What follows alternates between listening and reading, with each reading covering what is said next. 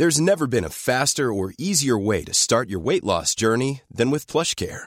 PlushCare accepts most insurance plans and gives you online access to board-certified physicians who can prescribe FDA-approved weight loss medications like Wigovi and Zepbound for those who qualify. Take charge of your health and speak with a board-certified physician about a weight loss plan that's right for you.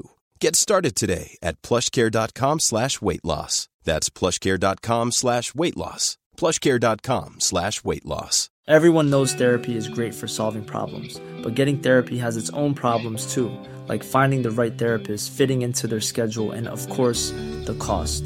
Well, BetterHelp can solve those problems. It's totally online and built around your schedule. It's surprisingly affordable too. Connect with a credentialed therapist by phone, video, or online chat, all from the comfort of your home.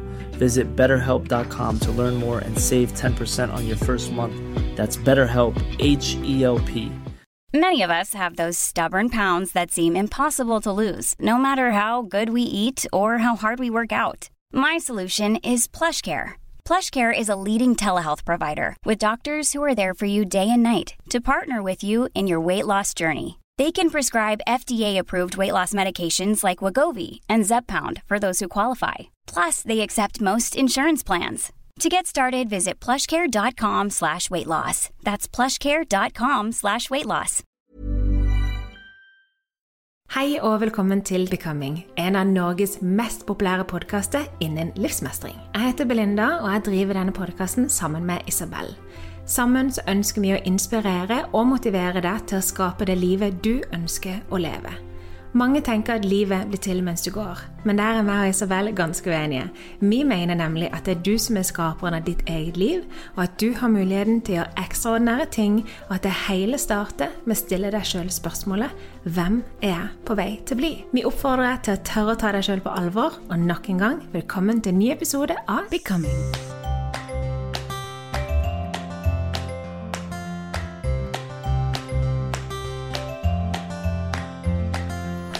Ellen Aarvold skulle egentlig bli advokat eller psykolog. Men en porsjon med stekt ris som ble laga helt tilfeldig på Snapchat, skulle vise seg å være starten på det som gjorde Ellen til hobbykokk for hundretusener av følgere på Snapchat.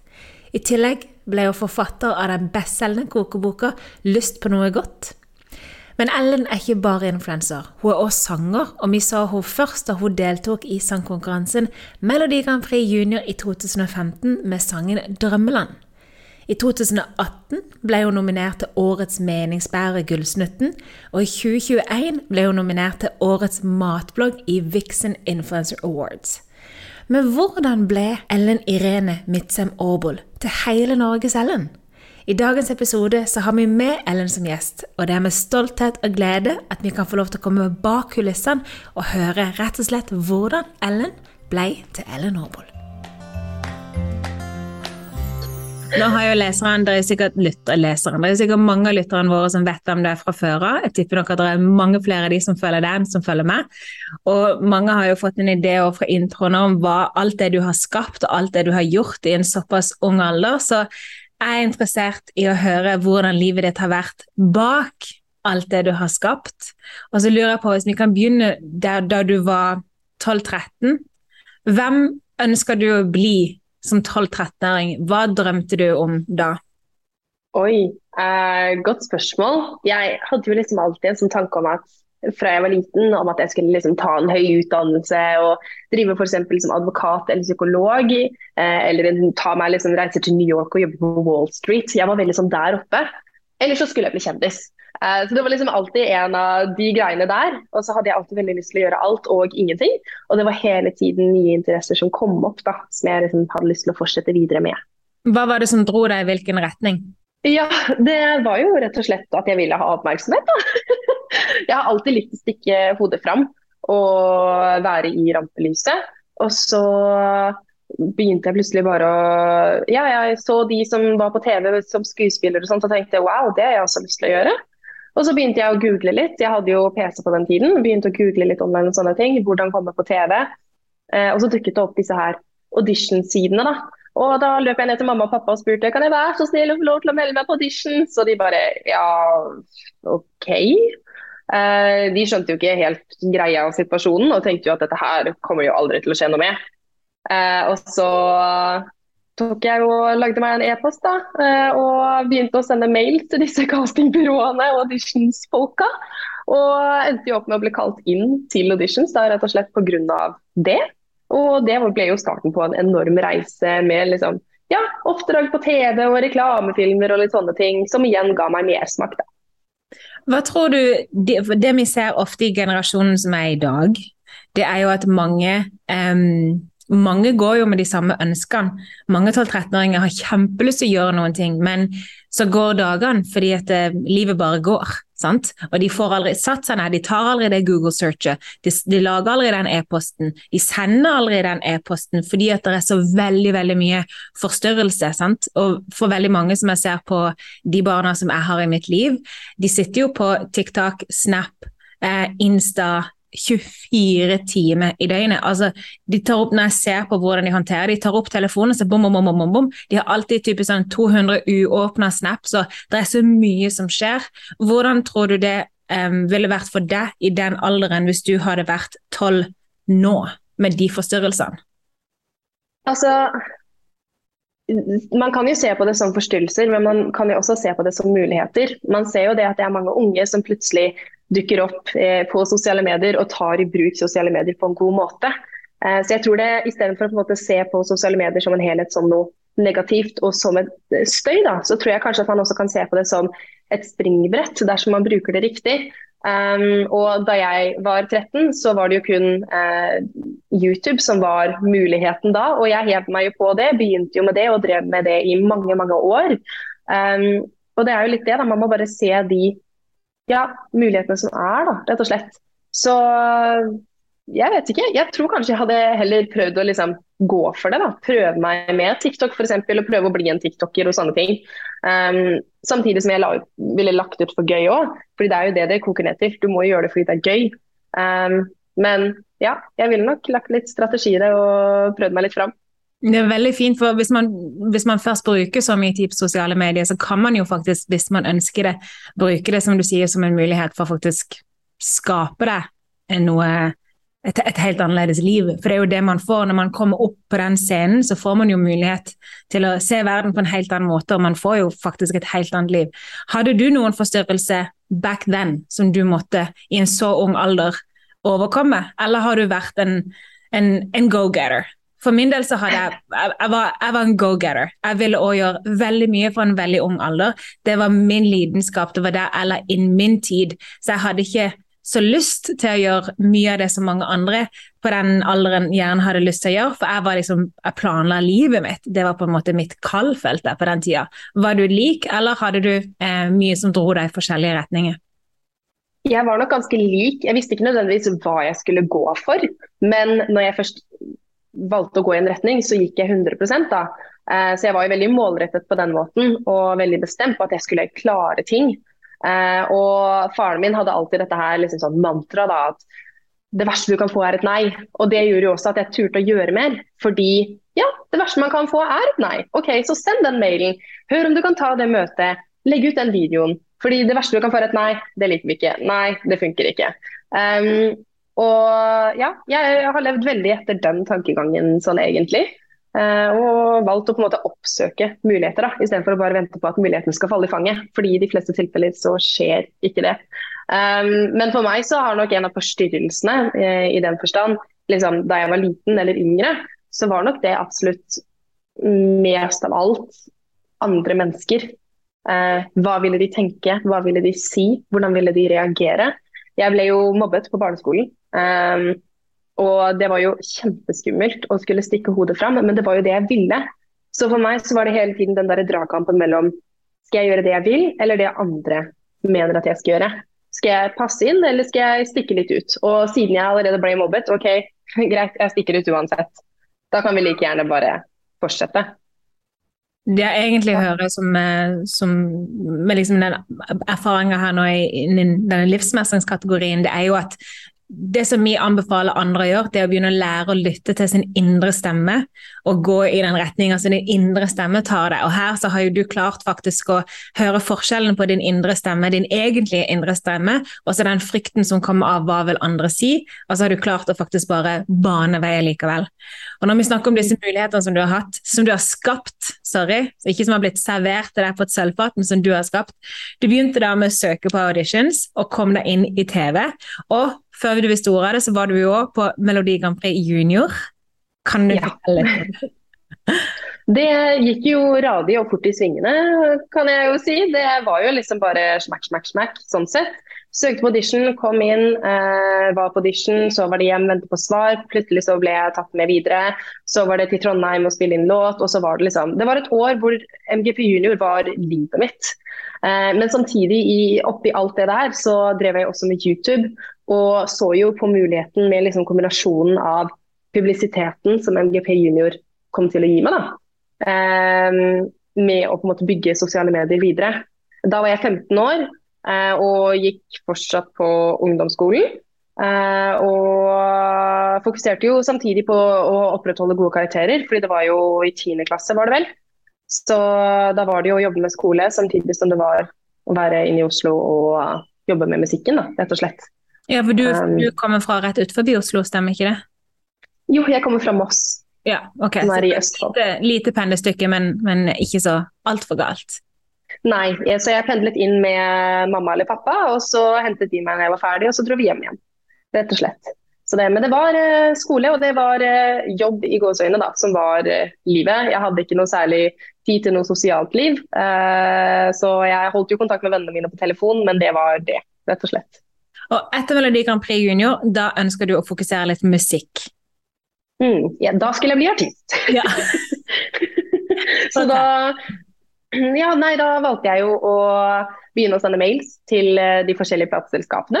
Introdusere og si hvem jeg var, hva jeg hadde gjort og hva jeg drev med. Og legge ved noen av skittene mine på låter. Um, ga jeg også ut en låt på egen hånd alene som også ligger på YouTube. Den heter 'Ephemeral'. Okay. Elsket det ordet. Det, på den tiden i hvert fall. Men ja. Begynte å sende disse mailsene, mailene, og så fikk jeg til slutt svar. De fleste sa jo nei, sorry, dette her det er ikke noe for oss. Men så var det et lite selskap da, eh, her i Oslo som svarte og var sånn ja, hei, vi kan godt ta et møte. Og de kom faktisk til Moss for å møte meg og familien der. Og så hadde vi et møte, og da vi var ferdig der, så ordna de en kontrakt, og vi ble enige om at vi skulle jobbe sammen. Det, og da ble jeg signert låtskriver og artist. Så i en alder av 15 år så skjedde det. Hvordan var tida di der hos de? Hva sitter du igjen med etter den tida? Blandede følelser, hvis det er lov å si. Mm. Um, jeg er kjempetakknemlig for muligheten, fordi jeg lærte så mye. Jeg fikk være i studio, og jeg kom meg på en måte vekk fra hjembyen. Um, og til, fikk liksom smake på storbylivet da. og jobblivet, karrierelivet. rett og slett, fordi Det var jo mitt første møte med så å si alt. Jeg drev jo igjen samtidig med liksom, YouTube og da også Instagram. Um, og vlogget jo mye, delte fra hverdagen og sånt, og i studio også. Men uh, det var jo musikken som tok mye av tiden min. da. Så dro inn etter skolen og var i studio til langt på kveld. Og så tok jeg toget hjem igjen og sov hjemme. Og sånn gikk rett og slett dagene. Eh, og jeg lærte jo veldig mye om økonomi, om språk, om kultur, og ikke minst hvordan å liksom jobbe sammen med andre mennesker. Um, som var en veldig god erfaring å ha med seg videre. Men uh, det Ja, jeg lærte jo at man også må lese kontraktene sine ordentlig, og at uh, når det er penger involvert, så er ikke alle like ærlige. Og det hele endte jo med brudd på kontrakten fra plateselskapet sin side, da. Um, som igjen endte i en stor krangel, som var en veldig uheldig situasjon. Og mitt første møte med den virkelige verden, som også er ganske så kynisk og kald. Mm. Så føler du deg ferdig? Ferdig med det firmaet, uh, men ikke ferdig med musikken. Men jeg fikk avsmak og holdt meg unna i flere år etterpå. Men hvordan er det med musikken nå? For I ny og ne legger du ut noen små drypp på eh, Instagram. Og jeg er jo gift med en tidligere musikkprodusent. Og en av de du la ut for ikke så altfor lenge siden, de viste jeg til min mann, og så sa jeg sånn, for han er brutalt ærlig, så sa jeg se og hør på dette her. Bør ikke hun være eh, musiker liksom gjøre dette her på fulltid. Og han hørte, han sa- var helt is i ansiktet mens han hørte også og så la han det bort da han var ferdig, så sa han jo. Han var helt sånn yes. ja, Han ble veldig veldig overraska, og han er altså så kritisk. Det er så sårt og så ekte og så ærlig, det man gjør. Og jeg har en sånn teori om at man kan gjøre ting um, på to måter her i livet. Det ene er å gjøre det ut ifra et ønske om å litt sånn desperat ønske om å bli sett, eller å prove somebody wrong, eller å tjene penger for eget bruk, eller sånt, Da sender man ut en sånn energifrekvens som kanskje ikke føles så godt for de rundt deg, og ting jeg føler livet der vil ofte butte litt imot. Og så har du den andre frekvensen hvor du ønsker å gjøre ting, og følelsene dine rundt den tingen er at du ønsker å på en eller annen måte være liksom til hjelp for noen. Så om det er å skrive en låt som faktisk kan treffe andre hjelpe dem å føle det de trenger å føle, om det er å hjelpe dem som du gjør på Snapchat hver eneste dag, og gi folk et trygt og godt forhold til mat. Sant? Når man har liksom den riktige frekvensen, følelsene bak handlinga, så vil livet mye lettere tilrettelegge for at det riktige skal skje. da. Det er min intensjon. Når du synger, så kan man bare se på hele Du legger ikke ut den for å please, liksom, se meg så jeg kan være famous for å vise mobberne på skolen at de to feiler meg. sant? Du, du gir noe av deg selv på riktig frekvens, og det treffer andre så vanvittig. Jeg tror det, tror det er en av, mine, en av de grunnene jeg tror til at du har gjort det så bra som du har i ung alder. Det er rett og slett den energifrekvensen din. Så, Det er jo veldig hyggelig å høre, og jeg, tror jeg, må nesten si meg enig. Jeg tror at det finnes liksom ting som er mer riktig, og eh, så lenge man gjør ting genuint, så tror jeg at man når lenger med det. ja, Og det eh, tror jeg også, Man bør gjøre det man gjør med en lidenskap for det. Hvis ikke så Mm. kommer det nok ikke til å gå i lengden. Nei, nettopp. Og man kan gjøre det. Jeg hørte et, nettopp en podkast med Jay Shetty og en som heter Gabrielle Bernstein, som er veldig kul. Og da, spurte, da snakker de om akkurat dette her med frekvenser, altså følelsene bak handlingene dine. Og så sier han ja, men noen handlinger kan jo være rent egoistiske, som f.eks. vektnedgang. For da har de snakka om disse menneskene i USA hvor, overvekt vekt er et kjempestort problem. Og da svarte Gabrielle Bernstein at dersom du ønsker å gå ned i vekt for å få mer energi, for å kunne gi mer tilbake til familien din og til samfunnet ditt og alt mulig, så det finnes liksom en god sånn frekvens, altså en god følelse bak alle egoistiske handlinger i tillegg. sant? Så ja, Det er veldig fascinerende dette her, og jeg føler du bare right on it. Men det var en liten digresjon. Men jeg håper altså at det kommer mer musikk eh, fra deg. Det kan hende at det skjer. Det kan hende vi har noen spennende møter planlagt framover nå, så vi får se. Så det er klassisk bloggstil. Jeg kan ikke si noen ting, men veldig mye spennende holder på å skje. Veldig typisk, men Når du skal ha konsert, så skal jeg sitte for, for første rad. ok? Den er grei. Nå har vi det på video og på audio, som dette her. Nå er dette som et løfte. Mm. Ok, Men mens du holdt på, og mens du jobber som musiker, og du var på skole, så trengte jo du å, å tjene litt penger. Og da har du fortalt meg om et ABC du hadde som du elska. Tell me. Jeg jobba på McDonald's samtidig. Eh, drev der og flippa burgere, rett og slett. Sto i kassa på drive-through all over og stortrivdes med det. Det var et fantastisk arbeidsmiljø. Eh, og man lærte så mye underveis også i prosessen. Og man, ja, jeg tjente gode penger på det òg, fordi jeg kunne jobbe kveld, jeg kunne jobbe helg, jeg kunne jobbe røde dager. Og det er, det er greit betalt, i hvert fall til å være 15-16 år. Mm, ja, røde dager. Da får man veldig ofte dobbelt, gjør man ikke det? Yes, det er helt Man velger å jobbe 17. mai og, og påskedagene og sånne ting. ja. Mm, og hvis du da i tillegg jobber helg, eh, kveld, Ja. så får du jo kveldstillegg i tillegg oppå det òg. Mm. Der, hvis man lærer bitte litt om økonomi og velger en jobb som har røde dager, så kan du faktisk jobbe halvparten av tiden og tjene like mye som du ville gjort hvis du hadde jobba fullt. Ok, Så McDonald's gjorde mye for deg. De lærte deg å flippe. Kanskje det var det som var starten på din Snapchat-karriere. For du har jo egentlig Det skal vi komme tilbake til etterpå. Om du egentlig Din bakgrunn innen eh, med matlaging. Men det kommer vi til. Mm. Ok, så nå har vi kommet til 2017-2018 cirka. Du har for nå, eh, til nå så har du da vært mye på TV. Du, har, du var jo med på Barnas restaurant, det var egentlig det jeg refererte til. Du har vært med på MGP Junior. Du har vært en av Norges største youtubere. Du har vært Jente-youtubere. Jente-youtubere. Du har vært i management for dette. Du har eh, vært singer-songwriter i et plateselskap. Du har jobbet på McDonald's. Du har jobbet for frivillige organisasjoner. Og i 2018 så begynte dette med skole å være litt vanskelig. Hva gjorde du? Ja, eh, jeg begynte på videregående, og i første videregående så eh, følte jeg på en måte at det der, det var bare ikke min greie. Jeg har alltid likt skolen, jeg har alltid vært skoleflink. Um, og, men da jeg på en måte begynte på videregående, så kom denne fraværsgrensa. Og jeg fikk ikke gyldig fravær ved å drive med jobb og karriere og slike ting. Så jeg fant rett og slett ut at jeg måtte velge. Jeg måtte satse på karriere, eller jeg måtte satse på skole. Og alt i meg av sånn logikk og mening og sånt sa jo skole. Fordi det er jo det man alltid gjør. Og man må jo ha en utdannelse for å komme seg steder i livet. Man må jo ha flere ben å stå på. Men hjertet mitt og min egen liksom, hovedsakelige store følelse og alt inni meg da, sa jo egentlig at det er feil. Jeg, jeg må prøve å følge denne veien med karrieren og se hvor det kan bære. Så en, jeg tror det var en, ja, en gang i november eller noe sånt, eh, i første videregående, så kommer jeg hjem til mamma og pappa og så sier jeg jeg skal droppe ut. Og helvete var løs i heimen. Det var ikke på tale. Da ble jeg kasta ut. Det var nope. Jeg skulle ha utdannelse og ferdig med det. Pappa som kjefta, mamma som gråt. Hun bare ja, men du har, du har så mye mer som du kan gi. Tårene rant, og det var helt rent kaos. Skriking, kjefting. Altså, alle familier har sitt. Og ja, akkurat da så var det vår ting. Um, og det var helt kaos, og det kom ikke på tale. Og så gikk det et par dager. Jeg lagde så å si en presentasjon på hvordan jeg skulle gjøre alt dette her og sånne ting.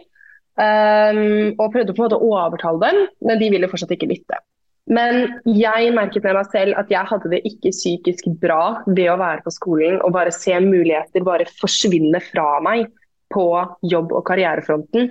Um, og lærerne på skolen hadde jo ikke respekt for elevenes tid, og sånn som det, da, da mister man meg med en gang. Hvis man ikke har respekt for andres tid, da får ikke de min respekt heller. Så, um, og jeg jobbet jo når jeg var ferdig på skolen, så jeg var jobbet til langt på natt og måtte stå opp tidlig for å dra på skolen igjen. Var jo utslitt. Sov i naturfagstimene. Jeg, altså, jeg var kjempeskoleflink på ungdomsskolen. Jeg gikk ut med 5,6 i snitt fra ungdomsskolen. Alltid vært veldig flink pike og veldig sånn karakterfiksert. Og så kommer videregående, og alt sammen bare krasjer. Eh, det var helt, helt, kaos. Og da jeg på en måte begynte å fortelle mamma og pappa det, så var de mer eh, hva skal man si, medvilje til å se på andre muligheter. Og Til slutt så begynte de også å google og finne ut måte på hvordan jeg kunne fullføre videregående ved å ikke være fysisk til stede. Fordi skolen var ikke noe problem, men det å være fysisk til stede for å fullføre skolen var problemet. Eh, og Da kom pappa opp med denne hospitantrollen, som lå gjemt langt inne i liksom kommunens dokumenter på nettsiden. Da sto det hospitantrolle. Eh, som rett og slett er at du er registrert på skolen som du sogner til. Du har tilgang til eh, skolebøkene og skolebiblioteket, og du får studentbevis. Men du trenger ikke møte opp. Og eh, jeg fikk lov til det. Gikk i dialog med skoleveilederne og rådgiverne. Og begynte å på en måte i løpet av da, siste halvår av første videregående finne ut hvordan jeg kunne fortsette uten å være der til stede fysisk. Um, og da endte jeg opp med rett og slett ta andre og tredje videregående som hospitant, som da vil si rett og slett at du er privatist fordi du må lese det opp i fagene på egen hånd. Eh, og melde det opp til eksamen på egen hånd. Og du må også betale for eksamen på egen hånd. Um, og da kosta det 1000 og 1200 kroner per eksamen. Okay. Uh, og du må jo ha sånne teite eksamener som ingen andre har, fordi du får jo ikke standpunktkarakter i ting. Så jeg måtte jo ha praktisk-teoretisk eksamen i gym. Uh, for eksempel. men det var bare gøy. Uh, men jeg hadde 13 eller 15 eksamener på de to årene. Okay. Både skriftlig, muntlig og da praktisk-teoretisk. wow. Ja, Men det ga meg også muligheten til at jeg da kunne gjøre andre ting. Så jeg valgte jo å reise, og reiste jo til 13 forskjellige land eh, i løpet av f.eks. da andre videregående. Så jeg fikk jo masse andre muligheter. Her, mye av dette har du vlogga òg, sant? Jeg har sett litt på YouTube. Ja, mm. Alt sammen ligger på YouTube, så, hvor jeg både snakker om det her med å fullføre som privatist eller hospitant, eh, og reisene og livet og karrieren gjennom de årene mm. som jeg egentlig skulle vært på videregående. Da. Det ligger ute. Så jeg, jeg fikk jo reist uh, under privatist- og hospitantrolleperioden. Så fikk jeg jo reist veldig mye, så jeg fikk på en måte reist litt fra meg. Uh, så da jeg kom hjem til Norge igjen i slutten av 2018, så var jeg veldig sånn Nå er jeg klar for å slå meg litt mer til ro. så da var det rett på Finn å begynne. Hæ? Hvor gammel var du da? Da var jeg 18. wow. OK. Ja. Så du, ja, du, er klar da for å liksom kule han? Ja. Eh, da var jeg veldig sånn nå, jeg, nå, nå, kan jeg godt roe litt ned. Eh, så jeg gikk på Finn og begynte å søke på leiligheter og se om det var noe jeg kunne investere i.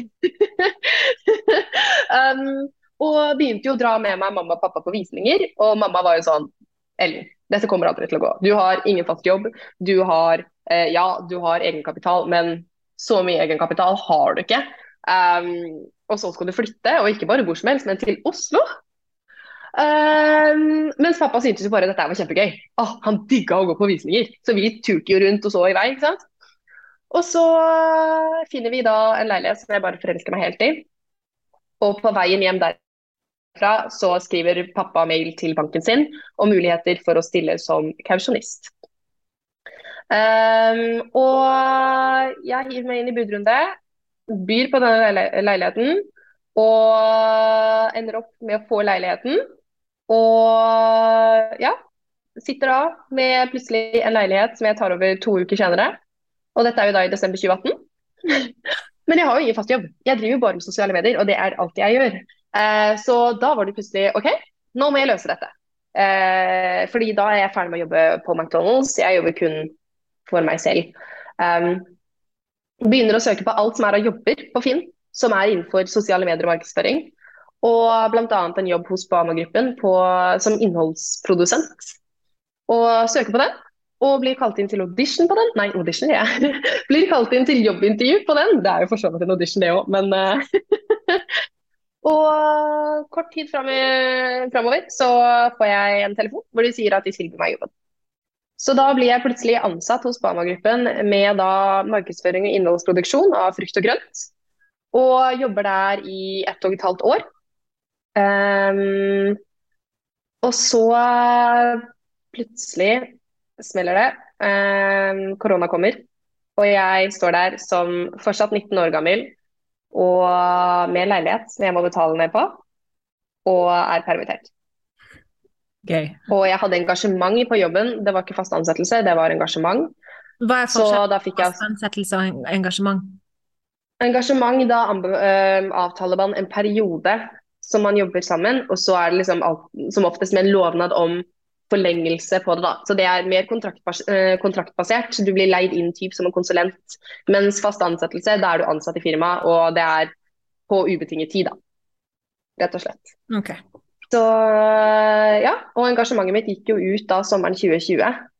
Og jeg sto der uten jobb etter det, så jeg fikk jo helt panikk. Søkte på masse nye jobber samtidig som jeg var permittert. Fordi jeg måtte jo ha lønn. Jeg hadde jo nedprioritert mine egne sosiale medier for å fokusere på jobbens sosiale medier. Um, og, så jeg hadde jo ikke det å falle tilbake på heller. Og kom til masse intervjuer, men fikk aldri noe jobbtilbud. Og så kom da sommeren 2020, hvor jeg eh, legger ut en oppskrift på stekt ris på Snapchat bare fordi jeg kjeder meg, ikke har noe annet å gjøre. For fram til da så hadde du vært mer sånn en livsstils... Eh vlogger. Du Ja. Ja. Først var det musikk, og så var det reising, og så var det livsstil. Mm. Eh, og så hadde jeg på en måte forsvunnet litt fra sosiale medier pga. jobben og prioritering der. Og så eh, ja, legger jeg ut denne oppskriften på stekt ris, da, som jeg aldri viser sluttresultatet på engang. Og så over natten, når jeg våkner dagen etterpå, så har seertallet doblet seg. Og da blir man litt sånn Oi, hva er dette her for noe? Så jeg gjør det samme, tester det samme en gang til, senere samme uke, og det samme skjer igjen. Og før jeg vet ordet av det, så står jeg på Snapchat og lager mat fem dager i uken og viser frem oppskrifter og hvordan å lage forskjellige ting. Uh, og da er det en som plutselig bare sier at Ei, du skulle ikke laget kokebok, da? Og jeg tenker jo herre min, det kan jeg jo ikke. Det, jeg har jo akkurat startet med dette her, og det er mer enn nok, liksom. Og jeg er jo bare hobbykokk. Um, og så begynner følgerne mine å spørre om muligheter for liksom et oppskriftshefte eller noe. Og så da tenker jeg OK, her får vi jo bare gi dem det de spør om, rett og slett. Så jeg lager en skisse på en kokebok, en idé. Sender det til forskjellige forlag samtidig som jeg introduserer meg selv i samme slengen. Får nei fra så å si alle, utenom et bokforlag, og det er Asgeir, som sier kom inn på møte. Vi tar et møte, og da jeg er hjemme igjen samme dagen, så har jeg kontrakten i innboksen. Det var eh, en eller en og en halv måned etter at jeg hadde begynt med matlagingen fem dager i uken. For man trenger jo bare Man trenger én person som ser det, og som har troa på det. sant? Det er, man trenger jo mm. selvfølgelig å gjøre jobben sjøl, og sånn som det du gjorde altså, Hvis du ikke hadde sjekka tallene dine den dagen, så kan det godt være at du aldri hadde forstått hvor stort engasjement matlaging ville ha. Sant? Så det handler jo mm. bare om å være bevisst på det man skaper sjøl, og faktisk liksom lytte og se og analysere ethvert steg man tar. Og da, når man kommer ut der, så er det jo veldig mange som blir stoppa hvis man ikke får åpne dører med en gang. Men åpne, lukka dører betyr bare gå videre til neste. Sant? Hvis du vet liksom i magefølelsen din at her har jeg faktisk noe, så trenger du bare den ene personen som har troa på det. Så du begynte da å lage mat, um, du begynte å lage kokebok på høsten. Og for alle som har laga noen som helst form for bøker, eller måtte stå bak et kamera, foran eller bak et kamera, så vet vi at i Norge på høsten så er det altså det verste man kan gjøre. Hvordan var prosessen for deg å liksom lage kokebok? Det var det var sykt stressende, fordi man har jo korte deadlines med bøker. ikke sant? I hvert fall innenfor kokebokverdenen når man er influenser, fordi man vet jo aldri hvor lenge tallene varer og er gode. Så her var det å jobbe fort. Eh, og det er jo ja, høsten det er jo en grå og mørk tid, da. Mm. Og jeg bruker jo kun naturlig dagslys for å ta bildene mine. Mm. Så det var en kappløp mot eh, sollyset, rett og slett. Det var eh, ut og ta bilder så fort det var bra lys, og så rett inn igjen. Og sånn holdt jeg på hver dag i flere uker, hvis ikke måneder, så å si. Uh, og i samme liksom, prosessen så måtte jeg også ta og generere disse oppskriftene. Jeg måtte teste de jeg måtte skrive de, og jeg måtte jo skrive ord i tillegg, fordi vi har jo liksom deler inn i kokeboka hvor det er historier fra mitt eget liv og sånne ting. Så det, men det var, det var, stressende, men det var også veldig gøy, og jeg lærte utrolig mye av det. Og jeg er utrolig takknemlig for den opplevelsen og hele den muligheten da, for å ordne den kokeboka. For det ble jo et råbra sluttresultat. Men eh, ja, jeg hadde deadline ut året og satt eh, på nyttårsaften og sendte inn de siste dokumentene.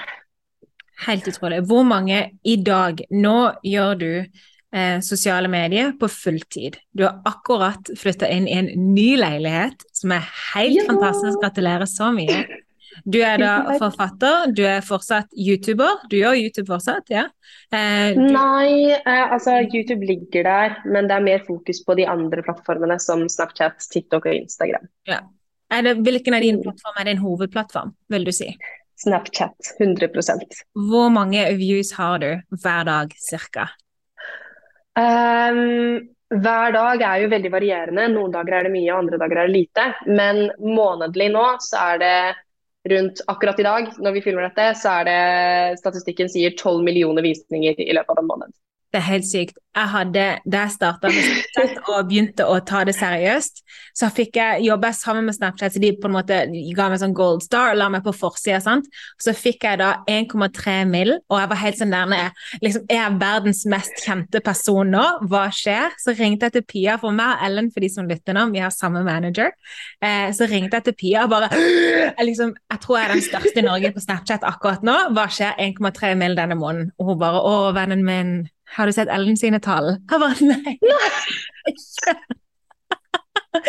Så hun fikk meg ned på jorda med én en eneste gang. Eh, men jeg trengte det jo. Men eh, dine tall er bare helt elleville, og det er så gøy å se, fordi at det du gjør på sosiale medier, er jo at du lager mat. Du gjør mat til noe som er gøy, du gjør mat til noe som er vennlig. Du gjør all form for mat, ikke bare enten sunt eller bare usunt. Eller, sant? Du har en sånn superfin balanse i alt det du gjør. Så jeg lurer på, hva er ditt forhold til mat og kropp med tanke på at du jobber så mye med mat? Hva er din historie bak det? Jeg eh, strevde jo med spiseforstyrrelse da jeg var yngre. Um, så jeg hadde jo et veldig anstrengt forhold til mat i oppveksten. Fordi uh, jeg har alltid vært veldig glad i å ha kontrollen på ting, og alltid vært en veldig sånn stressa person. Så det var veldig lett for meg på en måte, gi kanskje en hverdag da, hvor det var mobbing og ting liksom ikke var så bra og sånt. Og jeg ikke hadde så mye styr på alt mulig, så var det veldig lett å på en måte ta maten og kontrollere det. Mm. Uh, så jeg strevde veldig med mat i tenårene. Uh, og så var det jo først da jeg på en måte begynte å jobbe med det, at jeg fant gleden i det og lærte meg at det var ikke farlig likevel. Det, og det var liksom, det, det var en prosess, altså. Og det er uh, mange av de som kjente meg godt på den tiden, og som kjenner meg fortsatt en dag i dag, kan nok bekrefte det ganske godt. At jeg var veldig, veldig sånn styrete på det. Det skulle være akkurat sånn. Jeg skulle ikke ha smør i stekepanna. Det var masse sånne småting som bare Ja. Det, og det var vanskelig i mange, mange år. Og så var det bare det skiftet som gradvis skjedde. Jo mer jeg var rundt mat, jo mer jeg sto på kjøkkenet, jo mer jeg fikk smake på, og synet mitt på mat og kosthold har endret seg veldig. Fra at det er liksom ikke noe som er sunt eller usunt, fordi det er så subjektivt, da. Mm. Så uh, i dag så handler det mer bare om å nyte mat og spise variert og ha det gøy med det. Mm. det for meg er det viktigste av alt bare å ha gleden rundt det. Matgleden, rett og slett. Mm.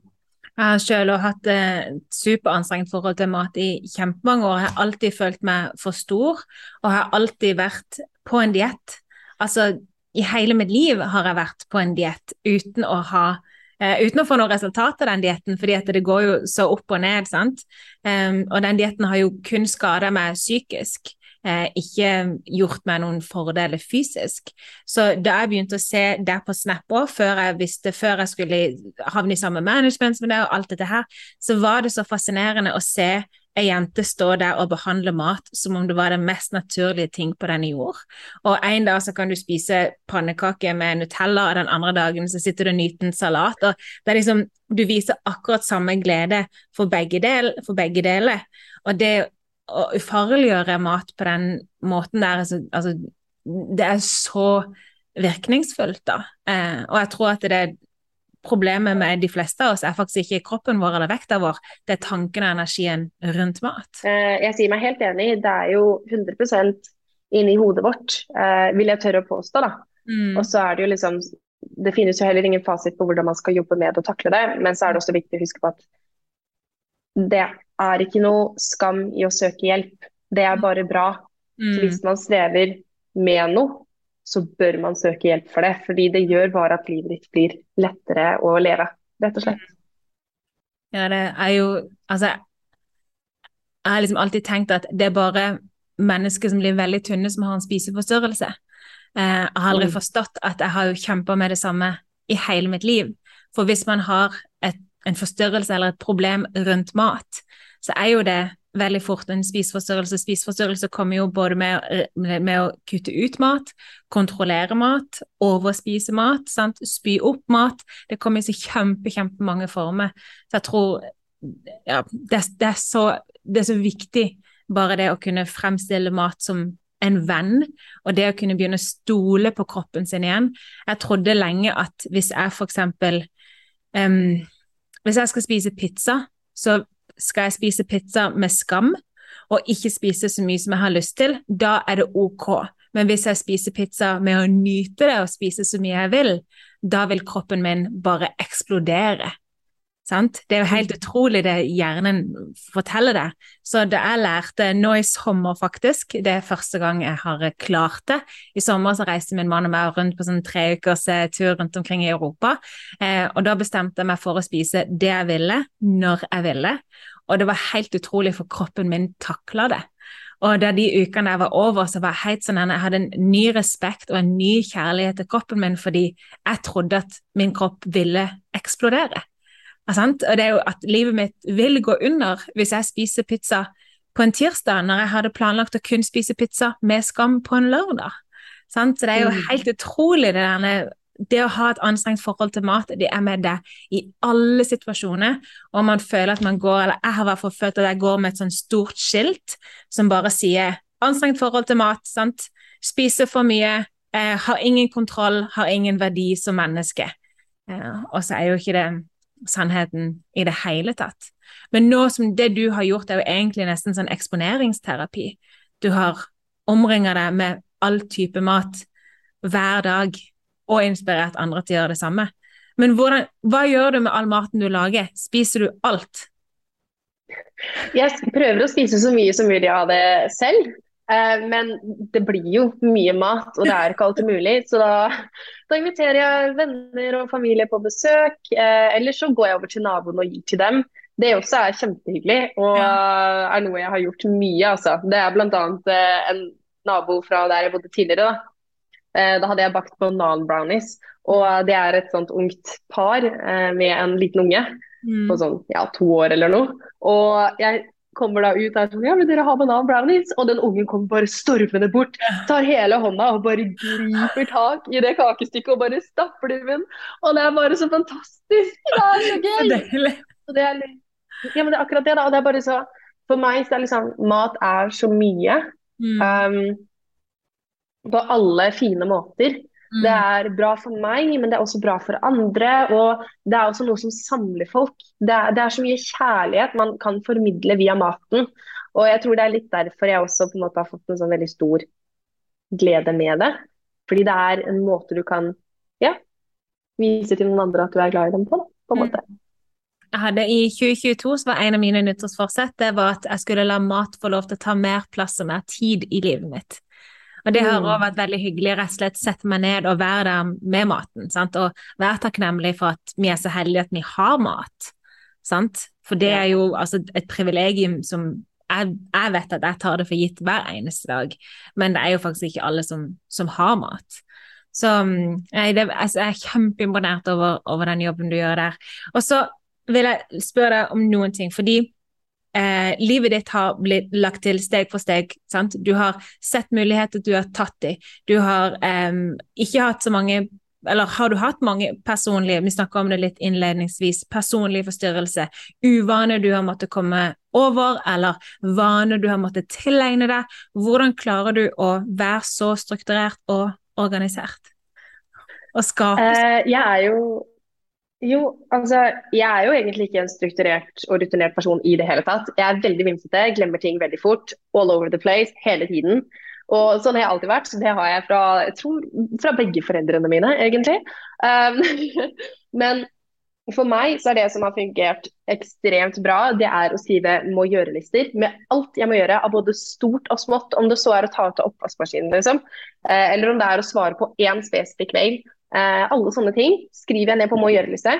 Og så ved siden av så har jeg en annen liste som er en tidsliste. Ja, ikke sant? jeg også, jeg har eh, ja. boka her. Eh, og på den andre siden da, så skriver jeg liksom ned spesifikt fra jeg våkner til jeg legger meg. Alt jeg må få gjort. Mm. Hvis jeg ikke skriver en liste, så da er jeg all over the place. Får ikke gjort noe som helst. Mm. Vet du hva? Det er lister. Jeg gjorde et intervju i sommer på dette her, og så sa hun, eh, hun som intervjuet meg, hun spurte meg også, hvordan jeg på en måte kommer meg fra A til B. Og Da sa jeg det samme, at jeg må ha disse her listene, og jeg kan skrive ned noe så enkelt som lunsj klokka 14.00. Bare for å mm. forholde meg til noe den dagen. Eh, og så spurte hun meg men hvordan er livet ditt uten. Så sier jeg livet mitt uten liste er jo det samme, bortsett fra at jeg kanskje aldri kommer meg til B. sant? Så det kan føles litt som at du har en GPS. Sett at du har flytta til en ny by, som jeg har gjort nå her i Spania. Hvis jeg skal kjøpe vann, så kan jeg bruke GPS-en, og så kan jeg gå rett ned til butikken, sant? finne vann og komme tilbake igjen. Men de dagene jeg gikk uten GPS, så jeg jo aldri veien, jeg kommer aldri til den butikken, men jeg endte gjerne opp på en kafé for å drakk brus istedenfor. Og sånn er dagene mine uten liste. Så hvis man er en sånn vimsete person som har problemer med å få ting gjort, så kan det å bare trene hjernen din til å følge lista di være uendelig verdifullt, altså.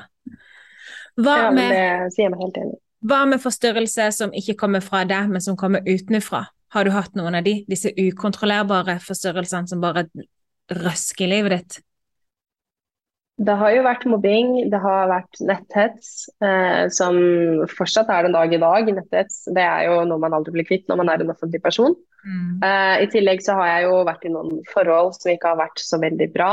Som eh, har på en måte blitt et ekstra uromoment da, oppi det hele. Og som virkelig har gitt meg noen psykiske knekker.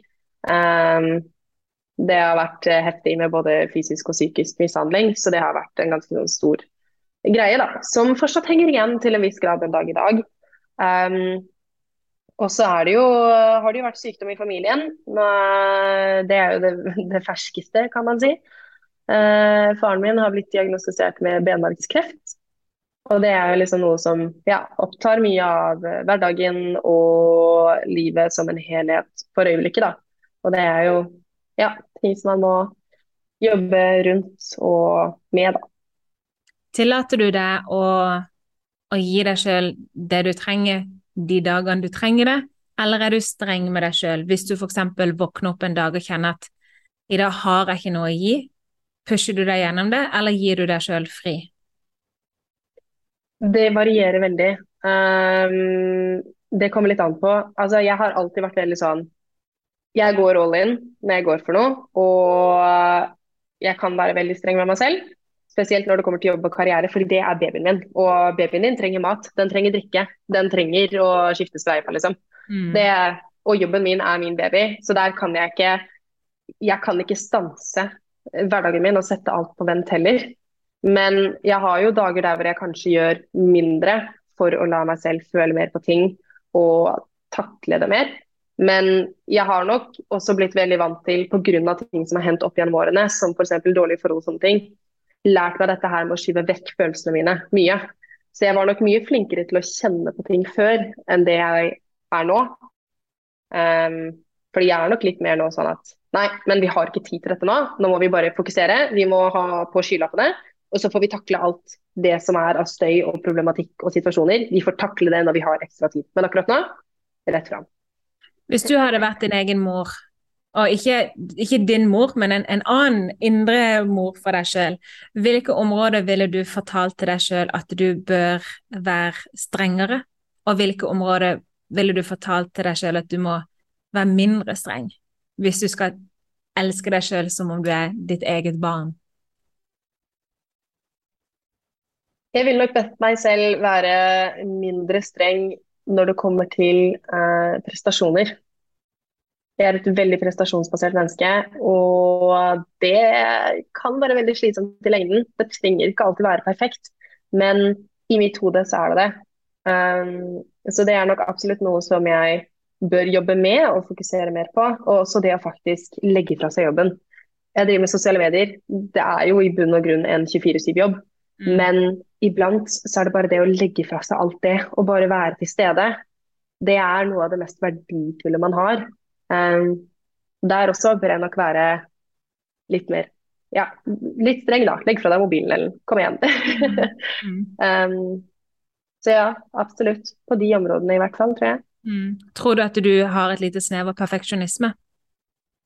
100 Jeg har alltid vært flink pike. Jeg har alltid villet at ting skal være plettfritt. Mm. Og sånn, ja, det skal være det beste av det beste. Mm. Det, og det Ja, det kommer og tar deg innimellom også. Det er ikke alltid like bra.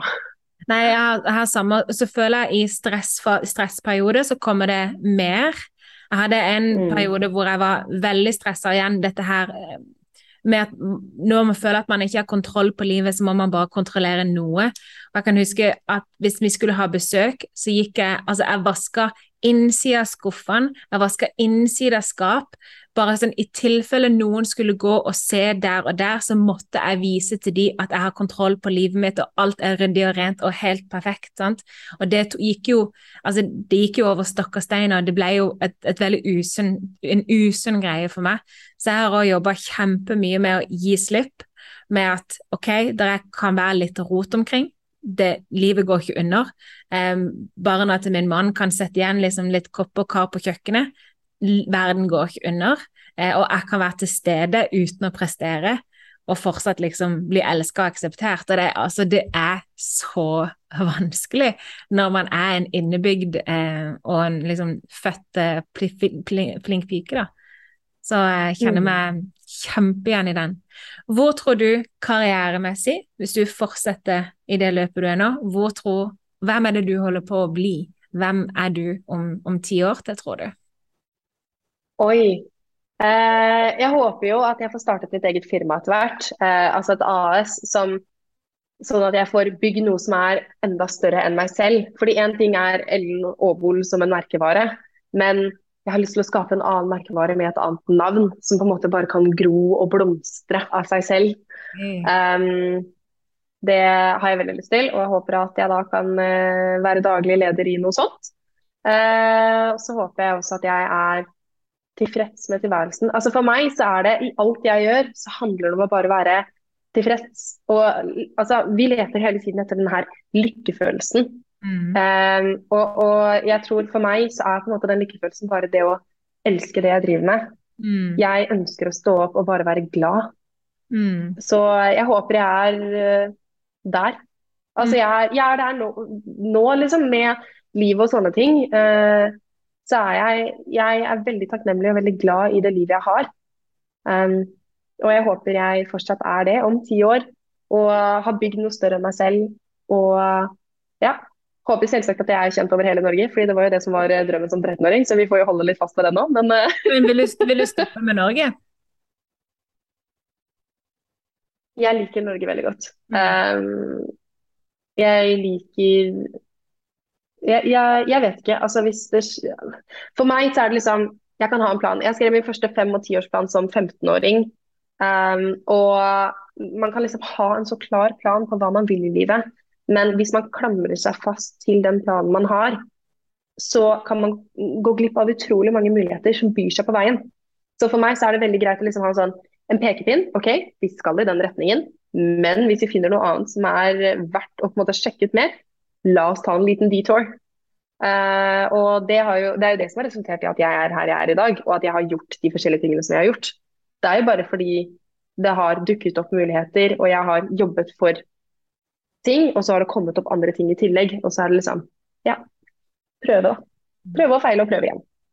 Jeg tror det er så viktig det å være våken på å se hva er det livet egentlig prøver å gi deg. Og det er som du sier, gripe sjanse, og kanskje noen sjanser ikke fungerer, men da har du jo lært noe av den sjansen. sant? Da har du lært at ok, Mm.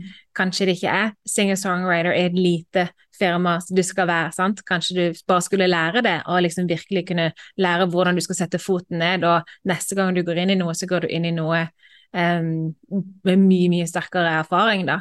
Sånn tenker jeg òg når jeg har vært, jeg har vært i mindre, for eksempel, um, jeg har vært i mindre um, managements før det ennå. og i en periode så tenkte jeg bare å nei, jeg har kasta bort så mye tid, men jeg har jo ikke det. Jeg har jo lært akkurat hva jeg krever fra et management, sant? og hva jeg krever fra meg sjøl. Så ok, hva, så lurer jeg på, hvilke følelser føler du mest av for tida? Oi, det er jo et veldig godt spørsmål. Og akkurat nå, det er så mange følelser overalt. Fordi det er jo veldig mange fine og spennende ting som skjer i livet mitt. Både på karrierefronten med nye prosjekter og litt TV-greier og musikkgreier. Men også liksom med kjøp av leilighet og bare føle at jeg har funnet mine venner og mine folk og alle sånne ting. Så det er jo liksom Jeg kjenner veldig mye på glede og takknemlighet. Um, men jeg kjenner også mye på sorg. Og det må jeg være helt ærlig å si. Og det er jo pga. den eh, situasjonen med faren min som skjer nå, eh, som er veldig veldig tung. Han har på en måte fått en dødsdom eh, på et vis. Og det er jo kjempevondt og sårt. Eh, det er det. Så det, er, eh, det går i bølger hele veien. Og det er ikke sånn at jeg bare er glad en dag. Nei, det er jeg er glad, jeg er sur, jeg er eh, fornøyd, jeg er stressa. Altså det er alt om hverandre. Eh, og er, jeg tror det er litt livet i et nøtteskall òg. Mm, jeg tror det. Og jeg synes det er så fint at du sa at en av de følelsene du føler mest på, er takknemlighet. Fordi jeg vet at det er noe som veldig mange kan slite med å føle på, men det er en av de, de beste og mest helbredende følelsene man kan ha. Og det er òg en følelse som man kan ha både i glede og i sorg. Jeg husker da min far hadde kreft, så valgte jeg å altså, liksom effektivt gå inn i følelsen av takknemlighet, fordi jeg elsker min far altså himmelhøyt. Og han var liksom den støtten for meg alltid. Og samtidig som min far var syk, så hadde jeg en bekjent av meg som sin far var syk og døde ganske fort. Og hun sørga nesten ikke. Og da tenkte jeg at herregud, så heldig jeg er som er så lei meg. Altså, Jeg er så takknemlig for at jeg får lov til å sørge over min far, for alternativet er at jeg faktisk ikke skulle bry meg om det han gikk gjennom. Så den takknemlighetsfølelsen, den er bare åh, så fantastisk å kunne kjenne på, og bare legge den som et teppe over alt det man faktisk eh, opplever her i livet, på godt og på vondt. Ok, mm. Helen, Hvis du vil snakke til noen som har hørt din historie og tenkt at fy fader, så inspirert jeg er, jeg har så lyst til å gjøre noe med mitt liv, har du en siste ting du har lyst til å si til dem for å liksom kicke dem litt av gårde i riktig retning? Oppsøk muligheter, ikke vent på at de kommer til deg. For du må pushe selv. Burn! Yes! I love it. Og hvor kan de som lytter, hvor kan de finne deg til daglig på dine sosiale medier? De kan finne meg på Snapchat, Instagram og TikTok, og da er det Ellen Aabol, AABOL, overalt. Yes. Ok, tusen, tusen takk for at du kom med denne episoden. Og uh, det, jeg gleder meg bare til å følge med på alt det du skal gjøre fremover. Du er en fryd å følge. Tusen takk, Belinda. ha det. Ha det godt.